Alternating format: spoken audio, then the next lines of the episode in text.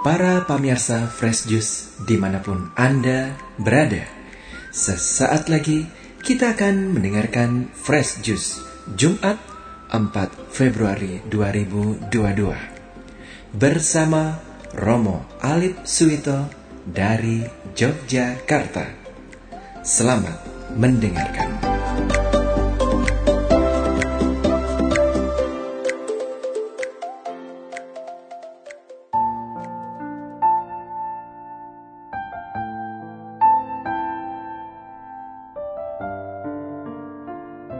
Para sahabat dan pemirsa Fresh Juice yang berbahagia. Hari ini 4 Februari, hari Jumat, Jumat pertama, bersama dengan saya Romo Alip dari Paroki Kristus Raja Baciro di Yogyakarta, mengajak para sahabat dan pemirsa Fresh Juice untuk bermenung pada pagi hari ini, hari ini hari Jumat. Permenungan kita diambil dari Injil Markus bab 6 ayat 14 sampai dengan 29. Mari kita hening sejenak, kita mohon berkat untuk permenungan hari ini. Dan Bapa dan Putra dan Roh Kudus, amin. Syukur dan puji bagimu Tuhan atas hari yang kau anugerahkan pada kami. Semoga permenungan pada hari ini, permenungan Fresh Juice memberi kekuatan bagi kami untuk menjadi murid-muridmu yang sejati. Dimuliakan engkau kini dan sepanjang segala masa. Amin. Tuhan bersamamu dan bersama rohmu. Inilah Injil suci menurut Markus. Dimuliakan Tuhan. Pada waktu itu Raja Herodes mendengar tentang Yesus sebab namanya memang sudah terkenal dan orang mengatakan Yohanes Pembaptis sudah bangkit dari antara orang mati dan itulah sebabnya kuasa-kuasa itu bekerja di dalam dia. Yang lain lagi mengatakan dia itu Elia. Yang lain mengatakan dia itu seorang nabi sama seperti nabi-nabi yang dahulu. Waktu Herodes mendengar hal itu ia berkata, "Bukan. Dia itu Yohanes yang sudah kupenggal kepalanya dan kini bangkit lagi." Memang Herodeslah yang menyuruh orang menangkap Yohanes dan membelenggunya di penjara berhubung dengan peristiwa Herodias, istri Filipus saudaranya, karena Herodes telah mengambilnya sebagai istri. Karena Yohanes pernah menegur Herodes, tidak halal engkau mengambil istri saudaramu.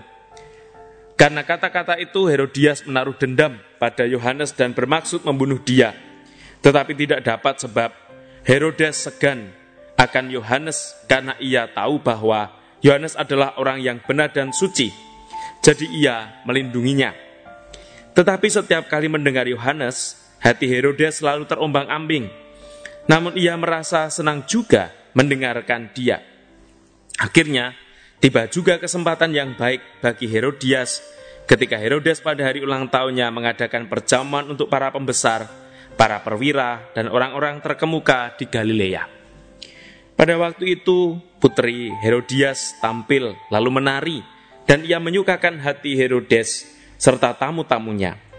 Maka raja berkata kepada gadis itu, Mintalah daripadaku apa saja yang kau ingini, maka akan kuberikan kepadamu. Lalu Herodes bersumpah kepadanya, Apa saja yang kau minta, akan kuberikan kepadamu, sekalipun itu setengah dari kerajaanku. Anak itu pergi dan menanyakan ibunya, Apa yang harus kuminta? Jawab ibunya, Kepala Yohanes Pembaptis. Maka cepat-cepat ia pergi kepada raja dan meminta, Aku mau supaya sekarang juga engkau berikan kepadaku kepala Yohanes Pembaptis dalam sebuah talam. Maka sangat sedihlah hati raja. Tetapi karena sumpahnya dan karena segan terhadap tamu-tamunya, ia tidak mau menolaknya.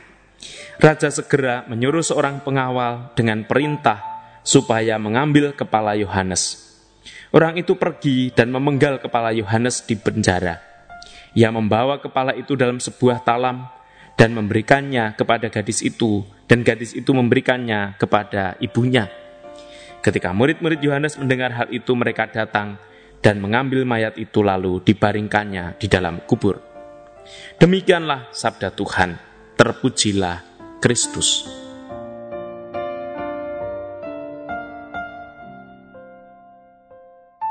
Karena kata-kata itu Herodias menaruh dendam pada Yohanes dan bermaksud membunuh dia, tetapi tidak dapat sebab Herodes segan akan Yohanes karena ia tahu bahwa Yohanes adalah orang yang benar dan suci, jadi ia melindunginya.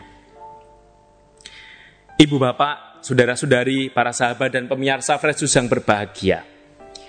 Kalau kita bercermin dan belajar dari Herodias yang menaruh dendam pada Yohanes, tampaknya salah satu dosa pokok dari tujuh dosa pokok itu adalah terkait selain iri hati adalah dendam.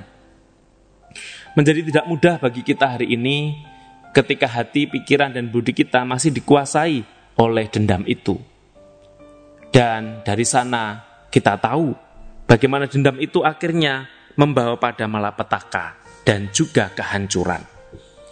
Undangan hari ini menjadi jelas bagi kita bahwa ketika kita adalah murid Kristus dan pada Jumat pertama kita berdevosi pada kerahiman ilahi, kita tahu Yesus dan Allah adalah pribadi yang maha rahim. Selalu menebus dosa kita, bahkan seluruh hal yang kita lakukan. Maka undangan bagi kita janganlah menyimpan dendam di dalam kehidupan kita.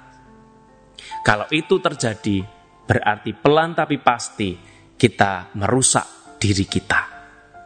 Maka mari kita mohon rahmat, semoga kita belajar menjadi orang yang selalu penuh dengan kerahiman dan juga berbelas kasih.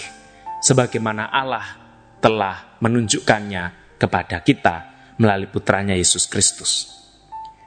Kami di tempat ini bersyukur bahwa kerahiman dan juga kemurahan itu sangat ditemui dan juga dipelajari dalam kehidupan sehari-hari. Kami belajar bersama dengan teman-teman OMK di Kedai Laudato Si, bagaimana belajar untuk menjadi pribadi-pribadi melalui perjumpaan itu, bertemu dengan Tuhan yang Maha Rahim dan berbelas kasih juga melalui studio Kolose ini menjadi sarana bagi kami ingin mewartakan kerahiman dan belas kasih Tuhan.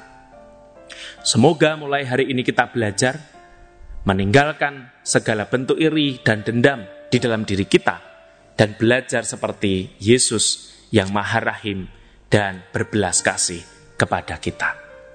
Semoga Allah memberkati kita. Tuhan bersamamu dan bersama rohmu. Semoga seluruh hidup karya dan perjuangan kita, keluarga-keluarga, para sahabat dan pemirsa Fresh di mana pun berada, dalam naungan dan berkat Allah yang Maha Kuasa, Bapa dan Putra dan Roh Kudus. Amin. Kita tetap menjaga protokol kesehatan dengan mengingat pesan ibu, mencuci tangan, menjaga jarak, dan menggunakan masker, serta vaksin booster pada saatnya. Semoga Tuhan memberkati kita.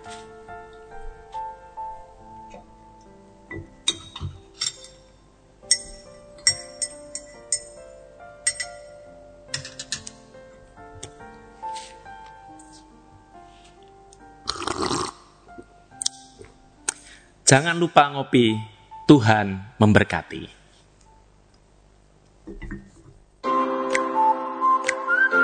Sahabat Fresh Juice, kita baru saja mendengarkan Fresh Juice Jumat 4 Februari 2022.